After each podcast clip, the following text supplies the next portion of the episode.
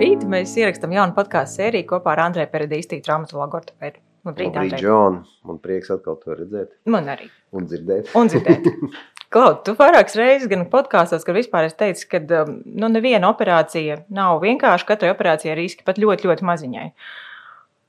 Un, um, tiksim, cilvēki, es domāju, ka tos riskus viņ, viņš redz tikai operācijā kā tādu. Tas ir viņa risks. Nu, savukārt, traumatologs ortopēds, nu, viņš to lauku tver daudz plašāk, un viņam jārēķinās ar citiem vēl dažādiem riskiem.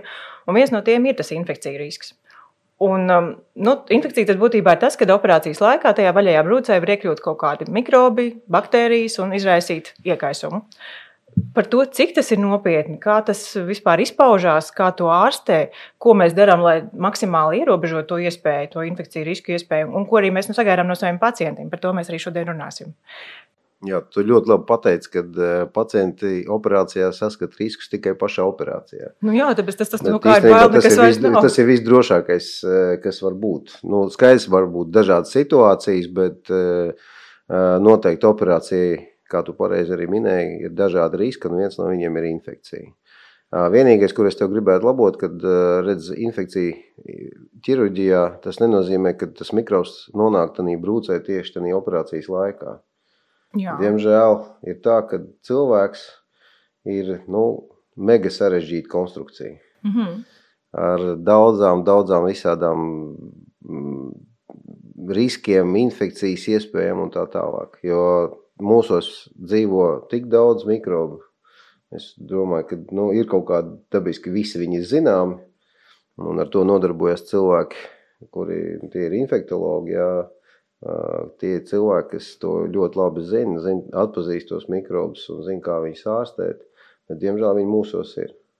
Un kur tas risks tajā ķirurģijā parādās? Kāpēc tieši ķirurģija? Nu, teiksim, Skaidrs, ka cilvēkam infekcija var pievienoties arī bez jebkādas iejaukšanās. Vienkārši tāpat. Vienkārši sākties līdzenas vietas, tā teikt. Un biežāk tas notiek tad, kad cilvēkam novājinās, teiksim, pretestība ķermenī, organismam, imunitāte. Teiksim, cilvēks ir izsīts, viņš ir fiziski nogurdināts, viņš ir nosals un, teiksim, tanī brīdī Nu, viņš vienkārši kā dzīves stāsts. Ja, teiksim, viņš nav gulējis tur 3-4 naktis, viņš ir noguris, viņš gan fiziski, gan psiholoģiski ir izsmelts. Tas ir labs brīdis priekš mikrobu, lai paņemtu virsroku. Un pat tā mikroflora, kas dzīvo viņā, un ir diezgan draudzīga un sadzīvo, pēkšņi jūt, ka viņi var ņemt virsroku un tev pievienojās angīna, nezinu, tur pneimonija, nu, visādi šitādas lietas. Un ķirurģija faktiski jau tas pats arī vien ir. Tas ir liels stress priekš cilvēka, gan fizisks, gan psiholoģisks. Pat pavisam neliela operācija priekš cilvēka rada diezgan pamatīgu uztraukumu, kas attiecīgi samazina pretestību, kas attiecīgi palielina risku saslimt ar infekciju. Un viena no tām infekcijām dabiski var nokļūt tādā vietā ķermenī, kur ir bijis kaut kāds bojājums, un jo ķirurģijas laikā mēs audus bojājam, kā mēs Pat ja mēs arī atjaunojam kaut ko, mēs vienalga to saules bojājam. Tā ir trauma. Nu, dabiski tad palielinās risks. Risks tam tā, tā vietai iekaist, pievienoties infekcijai un tā tālāk. Es kā es domāju, tik šauri, ka tas var tikai no ārpusaules tur iekļūt iekšā, bet nē. Nu, no ārpuses, tu domā, no gaisa. Jā, no, no, jā, jā, no nu, ārpuses. Ķirurgs, teiksim, ar plikām rokām un netīrītiem zobiem, bez maskas, jā, jā taisīja operāciju. Nu, tā, tā, tā nenotiek dabiski. Uh, 50. gados cilvēks tiešām operē bez maskām. Vispār es domāju, tā, tā saucamā aseptika vai teiksim, visi tie principi, kādā veidā un ko mēs darām priekš tam, lai tās infekcijas nebūtu. Salīdzinot ar to, kas ir bijis nu, kaut vai 40 gadus atpakaļ, nu, tā ir vienkārši diena un nakts. Saki, ka, kas ir tie mikroorganismi vai kas tās baktērijas, kas ir tās bīstamākās, kas var nokļūt un izraisīt to infekciju? Nu, kā mēs visvairāk kā Baidamies. Jā, tā. Nu, tie stafilokoki, tas ir tie, tie, kas dzīvo mums uz ādas, faktiski, ja runiet par ķirurģiju dabiski. Un tāpēc eh, ķirurģijā ir, eh, kā es sāku jau runāt par to, kā mēs tur gatavojamies un kā mēs zinām, kad, cik daudz mēs tur nemazgātu un nesterilizētu. Un eh, ādu gan pacientam, gan sev mazgājot rokas pirms operācijas, mēs vienmēr ādu potenciāli uzskatām par nesterīlu. Pat ja viņai paņems uztriepi un aizsūtīs Jā. uz laboratoriju, un uzsējums būs sterils, Mēs vienalga uzskatām to potenciālo virsmu, kurā mēs darbojamies, par nesterilu. Attiecīgi visas tās tālākās darbības notiek ņemot vērā šo te situāciju.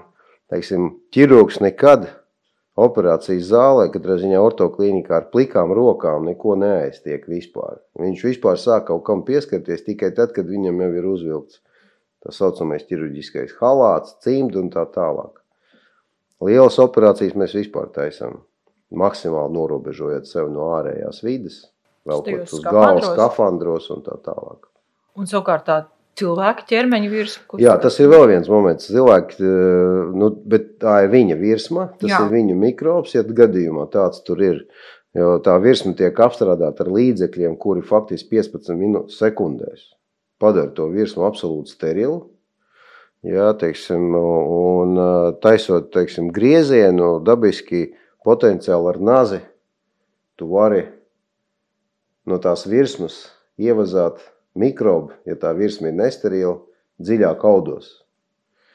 Un tāpēc e, tie principi ir tādi, mēs operācijas laikā maksimāli samazinām kontaktu ar ādu, jā, liekot vai nu speciāls tādas plēves, neskatoties to, ka tā āda ir sterila. Un maina visu laiku instruments, viņi vienreizēja pat operācijas laikā. Tur ir principi, kad kurā brīdī mēs mainām pilnīgi visus nu, cimdus un visu, tur, cik laiku mēs varam strādāt, jo tā ekspozīcija. Mēs operējam laminārās plūsmās, kur gaisa apmaiņas ar speciāliem filtriem notiek, jā, un tie filtri padara to gaisu maksimāli tīru. Un tīpaši, ja tā laminārā plūsma ir noteiktā operācijas zāles centrā, tas notiek, un mēs arī ar visu operācijas un pacientu no, atrodamies tur centrā, tur tas gaiss tiek apmainīts ļoti intensīvi. Un, tas samazina arī tos riskus. Kaut gan pēdējie pētījumi tur atkal parāda, ka varbūt tas nav nemazam tik labi, bet nu, tu nevienā pasaules mēroga apdrošināšanas kompānijā nedabūs kontraktu, ja tur tādas laminārās plūsmas operācijas zālē nebūs nemaz. Kā mēs ievērojam absolūti visus principus, aseptikas principus priekš tam, lai pacientam tos riskus ar infekciju nu, samazinātu. Jūs jau apakaļ pie tās nepatīkamās tēmas. Ja tā infekcija tomēr iekļūst iekšā, ko viņi tur tas stafilkaus, teiksim, ņemsim to bīstamāko. Kas, kas notiek? Viņš ko viņš tur izdara? Jā. jā, un ja tur nedod Dievs ir implants iekšā, nu, teiksim, endoprotēze, tāpēc, ka viņš tajā endoprotēzē ļoti ātri, tur dažās nedēļās veido tādu saucamo biofilmu, viņš pārklāja viņu tik tālu, ka, nu, tu vari tur darīt, ko gribi, tas implants jāņem ārā. Jāmaina, tā operācija tad sanāk, ka viņi jā. ir sabojāti līdz ar to. Jā, bet kur tie, par tiem riskiem, sam, ja, teiksim, viena lieta, ka mēs tos visus principus ievērojam, tad priekš mums tas ir absolūts standarts. Priekš tā pacienta tā ir kaut kāda, nu, ekstraordināra situācija. Viņš nekad nav bijis tādā. Un uh, dabiski lielākā, lielākais, ko viņš baidās, viņš baidās operāciju. Tieši tā. Tieši nu, tas ir normāli. Es arī droši vien, nu, man varbūt drusciņi citas situācijas pārāk daudz zinu, bet, eh, ja runiet par to cilvēku, tad jā, viņš, un tāda operācija beigusies. Faktiski viss, tad kā, nu, tas, tas trakākais ir garām. Tagad jāsaka veseļoties. Jā, bet es, un tur jau Itālijā, ka ortopēdijā un traumatoloģijā tā lielākā problēma tas pēcoperācijas periods ir. Jo viena lieta, kad uh, mēs tur ļoti labi izoperējam, viss ir perfekti, un cilvēkam, teiksim, maz sāp, Viņš nav gatavs. Viņš tikai pirms operācijas, jā, jā, operācija, jā, es cik ne mēneši ar krūķiem, jā, es visu darīšu, es staigāšu tur kā un ievērošu. Un tad sākās. Sākās tas, ka cilvēks to režīmu vairs neievēro. Jā. Un, un tur jau Itālijā tas mikrobs, ja viņš nekur nav pazudis. Viņš mūsos dzīvo. Tev ir bijis tikko liels stress, tev ir tagad satraumēta kaut kāda ķermeņa daļa diezgan pamatīgi, un tev jāļauj viņai sadzīt visiem tiem audiem, viņiem vajadzīgs laiks, lai atkopties, Jā. lai tās šūnas, kas atbild par to reģenerācijas procesu, mierīgi varētu strādāt un tie audi mierīgi sadzīt, izveidoties mierīgi rētaudu un viss būtu kārtībā. Brūce sadzīst pirmā, desmit dienās ādi ir ciet, noņem šuvis, viss ir kārtībā, bet tur iekšā, dziļumā, tas audos, tas process ilgst nu, 12 nedēļas vismaz. Vienalga, cik liela tā operācija nebūtu. Un, ja mēs runājam par tādu pilnīgi, ka tur vispār viss ir beidzies, un at, cilvēkam faktiski tur vairs nekas nemainīsies, tas paņem no pusgada līdz gadam. Un atkarībā no ķermeņa daļas, no tā, cik liels apjoms ir bijis un tā tālāk. Visu laiku mēs uzsveram to, ka pēc operācijas maksimāli vajag sākt ātri kustēties, kustēties. Tad, kur, tad, Jā, kur tā robeža? Vārds kustēties. Dažādas Tas ir, tas ir, nozīmes, vai ne? saprot, viņam ir dažādi nozīme. Cilvēkam kustēties nozīmē daudz staigāt, vai daudz, nezinu, tur vēl kaut ko darīt. Bet ir atsevišķi tāda nozara, saucās fizioterapija, kurai tā nozīme pieaug ar katru gadu. Faktiski tur tiek veikti daudz dažādu pētījumu, un viņi skatās, kurā brīdī var darīt, kurā nē. Mēs vienu brīdi ļoti, nu, teiksim, ja agrāk, 30 gadus atpakaļ, tai fizioterapijai, nu, tāda relatīvi nopietnu lomu bija. Mēs uzskatījām, ka nu, fizioterapija pieejamība nekāda nebija. Tad nu, jūs tur pavingrojiet, tur padariet to un to. Nē, cilvēki arī palika veseli. Jo dabisks tas dzīves atzīšanas process, viņš jau nekur nav palicis. Viņš jau lēnām, bet notiek. Ja pat tās fizioterapijas nebūs, cilvēks nav būs vesels. Jo tā tas ķermenis ir Nu, dabas ķermenis vienkārši ir ieprogrammēts un nauda viņa paša. Nu, ja mums ir brūce ādē, viņi vienmēr sadzīs, neatkarīgi no tā, ko mēs darām. Pat labāk, ka mēs tur vispār nejaucamies. Mēs jau pagājušajā reizē runājām, ja, ka tur sāk jodu slikt virsū un visādi vidos te traucēt tam dabiskam procesam. Tas pats arī šeit. Tāpēc ar to fizioterapiju arī mums ir protokoli, katrai tai operācijai savs. Jo, nu, atkarībā no tā, tā ir roka, plecs, celis, gūža, pēdas, locītava. Ir sava muskulatūra, sava muskuļu, kurus ir jātrenē, lai būtu normāls. Svarīgākais ortopēdijā tas ir tas, ka mums maksimāli ātri, nevis maksimāli ātri, mums jācenšas saglabāt labu, normālu kustību amplitūdu. Jo viena no tām lietām, kas ir tiek ārstētas ortopēdijā, tās ir locītavas. Nu. Vai kaut kas tuvu tām locītavām, kas var ietekmēt šo locītavu darbību. Un, ja tev, teiksim, celis nelokās līdz galam, vai netaisnojās līdz galam, tas var ietekmēt absolūti visu pēc tam. Un tāpēc tā fizioterapija ir vajadzīga. Bet cilvēkiem ir tā, ka ir viena kategorija, kuri pilnīgi neko negrib darīt. Ir tādi, kas ir, eh, ja dara, tad dara nu, 10, 20 reizes dienā, noved sev līdz tam, ka tas, kas ir izārstēts, tiek sabojāts, jo vienkārši nu, viņš pārspīlē daudz. Kas, kas tad tieši notiek? Tad tas var izraisīt kaut kādu infekcijas risku vai ko tas, ar ko tas draudz? absolūti. Man bija viens tagad pagājušajā gadā gadījums, kad endoprotēzes pacientam sastrutoja. Cik es saprotu, diezgan ātri viņš ir kļuvis aktīvs, jo gūži nesāpēja. Viņš faktiski izrakstījās jau trešajā dienā vai ceturtajā pēc operācijas. Un divu nedēļu vēl, divas nedēļas vēlāk nonāca ar izdalījumiem no brūces. Viņam cilvēks ir nu, ļoti aktīvu dzīvesveidu. Ievērojis pēc operācijas. Kaut gan bija pateikts, ka ir kruķi, kad ir tas un šis. Un tāpēc cilvēkam jau ir kas, ja viņam ir infekcija, viņam liekas, ka to infekciju es tur paņēmu un ieliku iekšā operācijas laikā. Bet tā tas nav. Ja tie audi, kas nav sadzījuši, un tu sāc viņus slogot, tu sāc viņus pa daudz pielietot, un viņi nav vēl sadzījuši, nu viņam ir diezgan viegli ir iekaist Jā. un piesaistīt sev mikrobu, kurš dzīvo tev zobos, mutes dobumā, nezinu, taisnā zarnā, vispār zarnās. Nu, tas tā ir. Jo viss tas organisms Nu, ir tāpēc nu, saistīts. tu jau, esi viss saistīts. Tu aizēji uz to, tu tur nezini. Nu, tas, tas viss ir. Nu, tad dabiski, un tad tev viss. Es domāju, ka šis ar daudziem bija pārsteigums, ka infekcija sākās nevis uzreiz, teiksim, pirmajās stundās. Ir tās pazīmes, bet tas var būt stipri vēlāk. Nu, piemēram, tādas divas arī situācijas mēdz būt. Nu, tad visdrīzāk, ka tā infekcija tiešām ir operācijas, Operācijas laikā laikā nonākusi. Bet tā, kas ir e, sākusies tur kaut kādas vairākas nedēļas, tur divas pēc tam, nu, tas ir vai nu tas ir. Skaits arī nevar izslēgt, ka tas ir kaut kur operācijas zālē, bet klausies, operācijas zāle ir tā vieta, kur infekcijas monitorings notiek visu laiku. Mums Ir vesels Mums notiek uh, notiek, vai ne? infekcijas, jā, infektologa audit. Mums visu laiku kaut kāds updates visiem tiem protokoliem ir. Tas nav tā, ka ir. Mums ņem uzsē, uztrieps sienas, galdi, viss kaut kas. Bet, ja mēs ārstējam mašīnas, tas ir viens, bet mēs jau ārstējam dzīvus cilvēkus. Un cilvēkiem nu, nav sapratni par to. Mēs, mēs jau visādi, un tip- it īpaši strādājot tādā privātā medicīnā, tas ir sāpīgi. Un mēs ļoti nopietni visā tās infekcijas ir visās slimnīcās. Un es teikšu, mēs nu, vienkārši iz- izcili tā situācija. Jā, Paldies salīdzinoši. Dievam. Un tas ir pateicoties gan visām tām pretinfekcijas protokoliem, tas aseptikas ievērošanai, tad viss mēs ļoti nopietni tam skatāmies līdzi. Un, tas, tas viss ir skaidrs, bet nu, paliek tā, tā otrā puse. Tas ir tas cilvēks ar viņa stresu, ar viņu pēcoperācijas teiksim, tādu nu, pamatīgu. Uh, nu, visu to gan psiholoģisko, kā jau minēju, un fizisko traumu. Nu, ļoti svarīgi, un mēs arī tam arī pievēršam uzmanību. Tas ir pēcoperācijas komforts. Nu, tev nav jābūt tādā stresā, ka tev pēc operācijas tev izoperē, un tu tagad nezini, tu guli, teiksim, sešvietīgā palātā, tu nezini, kā aiziet uz toleti, tu nezini, kā iztukšot savus zarnas, ja tev ir kauns, tev ir, tu kautrējies. Jā.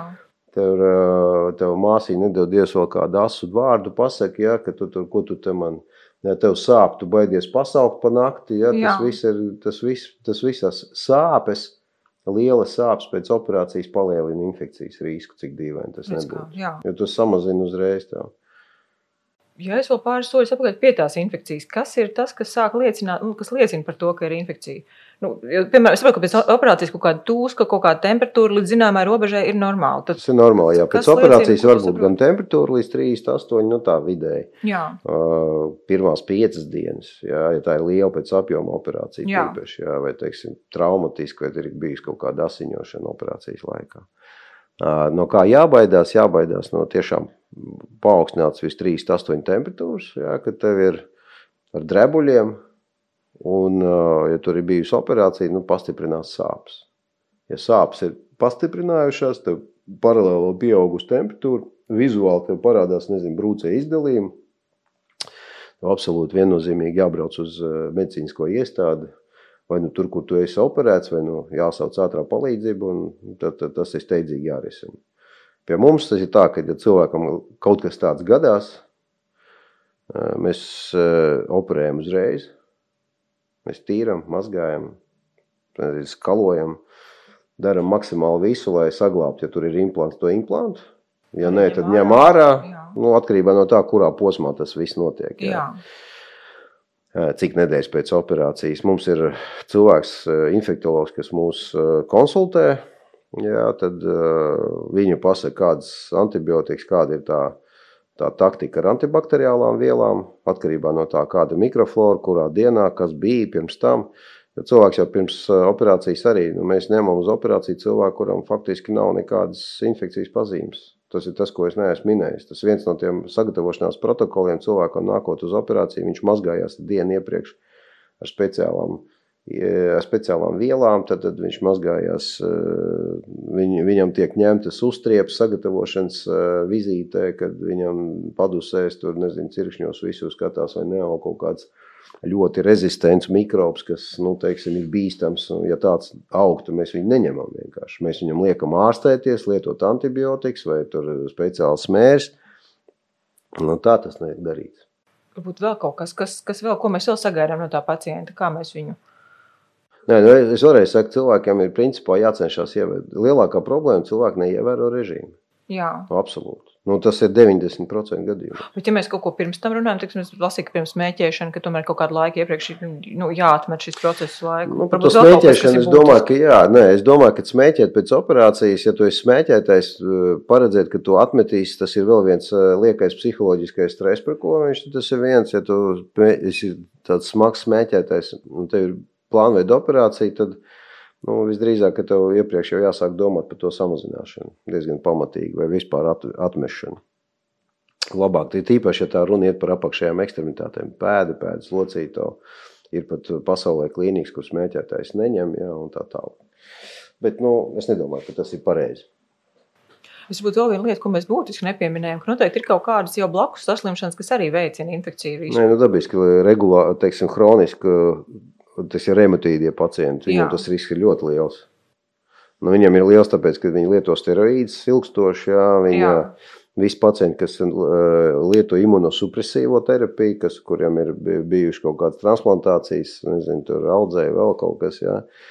Dabiski tas viss palielina riskus.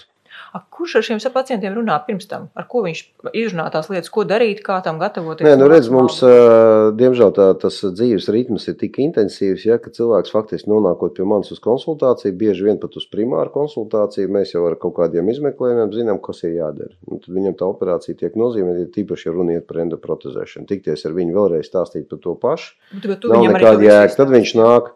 Jā, tad viņš nāk uz tādu sagatavošanas vizīti, kur viņam tur viss paņem analīzes un tā skatās. Bet pirmajā vizītē es jau pasaku, kādi ir riski un tā tālāk.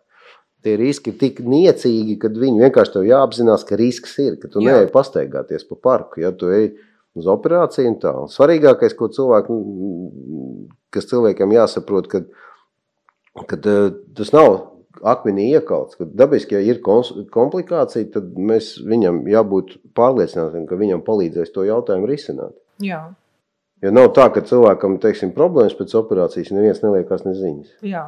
Nu, Tas ir tādas pozitīvas nots no, nobeidzot, kur ir tie cilvēki, kuriem labāk dzīst, kuriem ir mazāks risks uz jebkādām infekcijām, kur tu jau redzi, ka šis pacients visticamāk būs nu, tāds pozitīvi, labi, ar labu iznākumu. Kas, nu, kas to veids? Cilvēki, ar, ne, ar kuriem ir maz invazīvās operācijas, no atros, artroskopijas, tas ah, viss, jā, tas, tiem tie riski krietni mazāk. Viss vaļējas operācijas dabiski tie riski ir lielāki, un jo cilvēks ir veselāks, jo viņš ir jaunāks, jo tas risks ir mazāks dabiski. Reizē cilvēkam palielinoties uh, vecumam, kļūstot vecākam, nu labi, tur nav tā, ka visi veci cilvēki tagad ir riska grupā. Bet viņiem tas droši vien nevis infekcijas risks ir lielāks, bet tur citas problēmas ir. Tie, tie riski ir citi, ja, bet noteikti cilvēki, kuriem ir smagas blakus saslimšanas, tie cukurdiabēts, reumatīds, artrīts, jā, tad, tad cilvēki, kas hroniski lieto kaut kādas uh, nu, hormonālas preparātus, nu, attiecībā uz visādām arī hroniskām locīto saslimšanām. Tātad, nu, cilvēki, ja tā ir trauma, tad noteikti vaļēja brūce, ekstremitātei vai vaļējas lūzums, viņš tos riskus krietni palielina. Un jo lielāks audu bojājums, jo smagāka trauma, jo lielāks enerģijas trauma, jo lielāks risks, ka būs infekcija. Un viena no tādām vietām ir apakštilba, teiksim, jā, cilvēka, teiksim, autotraumas visādi šitās, te, tur, tur diezgan nopietni jāskatās. Un tur ir daudz, kas ir atkarīgs no tā, kā tā trauma tiek menedžēta jau no paša sākuma, cik lielā mērā cilvēkam panākt to, ka tie audi nav, netiek traumēti atkārtoti. Jo, teiksim, viens lieta, kad viņam bijis tas traumas moments, un otrs moments, ka viņam, teiksim, neadekvāta imobilizācija tiek uzlikta vai vēl kaut kas. Tas viss pasliktina situāciju. Tas viss ir uzreiz momentā jācenšas izslēgt. Priekš tam jau ir visādas eh, gan tehnoloģijas, gan paņēmieni, ko to darīt. Bet tas jau ir profesionāli, teiksim, ziņā. Bet kas attiecās uz riskiem, nu jā, tā diemžēl tās blakus saslimšanas un liekais svars, smēķēšana, tas viss palielina riskus. Tad, principā, jo veselāks cilvēks, jo mazāks risks. Bet arī nav tā, ka 100% nebūs. Nu, jā, jā, jā, sapratu. Nu, ko, paldies tev liels par sarunu. Jā, tur var daudz runāt. Tur var daudz, tur var, jā, jā. katru no tām lietām, ko tu teici. Jā, jā, es domāju, ka katru no tām lietām var pilnīgi atsevišķi paņemt, kā cilvēkam būtu jāuzvedās pirms operācijas, kas būtu jādara un tā tālāk, kas būtu jādara. Un visvairāk tas pēc operācijas moments. Jā. Ko laikam pat grūti iedomāties, ka tas ir tas svarīgākais. Ir liekas tiešām tā, kā mēs runājam. Nu, kā, nu, man viens princips ir komforts jā, un režīma ievērošana. Visu pārējo mēs nodrošināsim. Jā. Nu, to komfortu arī, bet, nu, teiksim, aizejot mājās, tu jau nezini atnāk mājās, ar viņam tur konflikts savstarpējs. Un Jā. kas beidzās ar to, ka viņi tur sastrīdās, tas ir stress, viņam bija operācija, tas slikti, tas arī viss var ietekmēt. Tā kā tikai labā noskaņojumā uz operāciju. Jā, mīliet cilvēku, draudzējieties, mīliet viens otru. Vismaz operācijas laikā. un pēc operācijas un pēc ir tīpaši, jā. Paldies. Paldies tev. Tiesa.